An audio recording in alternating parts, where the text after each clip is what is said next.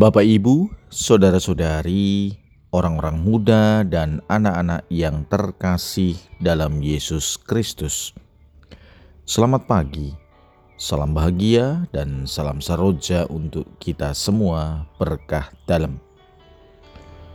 Bersama dengan saya, Romo Antonius Garbito Mambuaji menyampaikan salam dan berkat Allah yang Maha Kuasa dalam nama Bapa dan Putra dan Roh Kudus. Amin.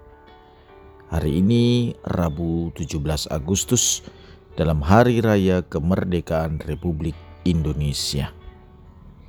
Bacaan pertama dalam liturgi hari ini diambil dari kitab Putra Syirak bab 10 ayat 1 sampai dengan 8 Bacaan kedua diambil dari surat pertama Rasul Petrus bab 2 ayat 13 sampai dengan 17 dan bacaan Injil diambil dari Injil Matius bab 22 ayat 15 sampai dengan 21.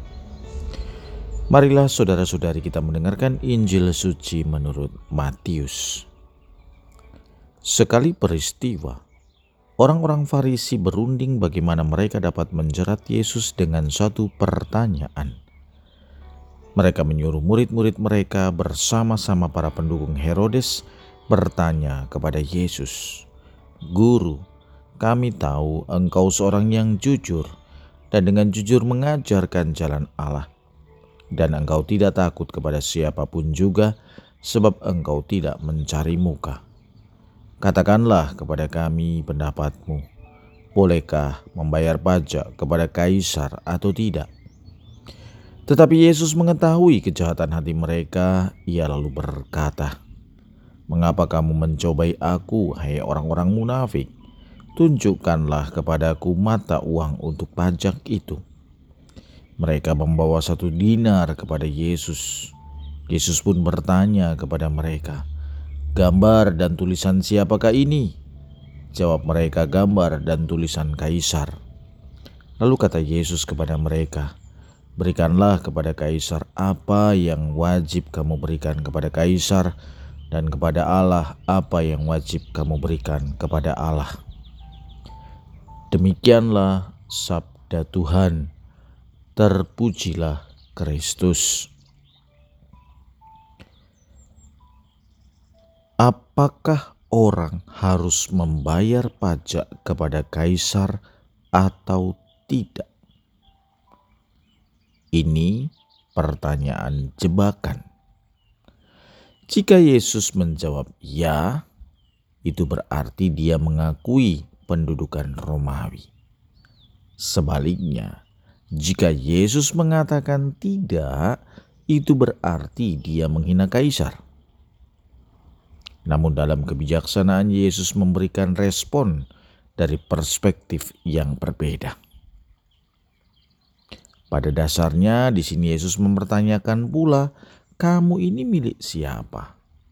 Hukum dan adat istiadat negara tempat kita tinggal harus dihormati. Namun, jika kita melihat diri kita sebagai anak-anak Tuhan, maka kita lebih dahulu adalah milik Tuhan sendiri. Saudara-saudari yang terkasih, hari ini kita merayakan Hari Kemerdekaan Republik Indonesia yang ke-77. Sebuah perjuangan yang mesti kita hormati. Namun pertanyaannya, apa yang sudah kita buat untuk bangsa ini? Mazmur tanggapan menyatakan, kamu dipanggil untuk kemerdekaan maka abdilah satu sama lain dalam cinta kasih. Pesannya jelas, kita dipanggil sebagai bangsa dan warga negara Indonesia. Kita adalah orang merdeka. Ciri orang merdeka pertama-tama dia tidak terikat dengan apa pun. Tetapi orang merdeka harus mengarahkan diri pada pengabdian bagi sesama. Maka kita dipanggil untuk melayani sesama dalam cinta kasih, karena kita adalah milik Allah, maka segala sesuatu yang ada pada kita, kita kembalikan kepada Allah melalui pelayanan kepada sesama. Semoga rahmat kemerdekaan ini menjadikan kita semakin menyadari bahwa kita milik Allah, maka kita kembalikan kepada Allah. Marilah kita berdoa. Allah Bapa yang bertata dalam kerajaan sorga, kami bersyukur kepadamu atas anugerah kemerdekaan bagi bangsa kami. Semoga kami dapat memelihara dan mempergunakan kemerdekaan itu dengan bijaksana.